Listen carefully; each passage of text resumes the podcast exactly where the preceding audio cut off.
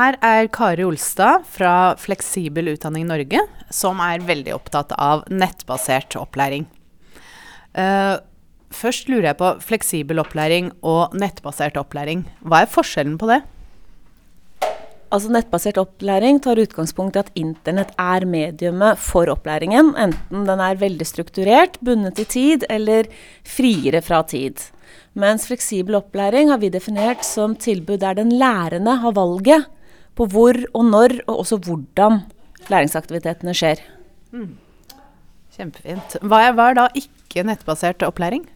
Hvis ikke internett er mediumet for pedagogikken og kommunikasjonen, men at man har en klasseromsbasert eller stedbasert læring hvor man bruker nettbaserte verktøy for å forbedre undervisningen, så er ikke det nettbasert.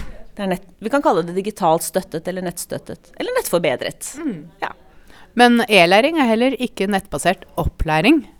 Vi snakker jo gjerne om e-læring som helt automatiserte kurs, og vi mener at en opplæringssituasjon er noe mer kompleks.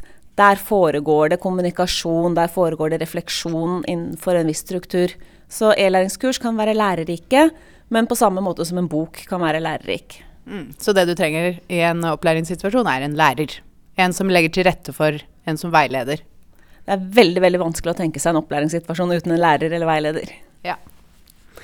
Um, hva kjennetegner de som virkelig har fått til god nettbasert opplæring? Eh, mange av dem har jo bakgrunnen, altså disse nettskolene våre med lang tradisjon, tok utgangspunktet i det ikke nettbaserte, men distribuerte helt fra starten av og bygget opp en pedagogikk og en metode rundt det.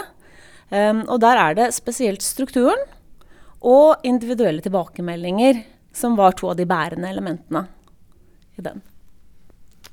Kan du da si tre stikkord som representerer god nettbasert opplæring til slutt? Ja, de har jeg sagt allerede. Struktur er viktig. Kommunikasjon. Toveis kommunikasjon. Og det å ta utgangspunkt i den som faktisk skal lære. Takk skal du ha.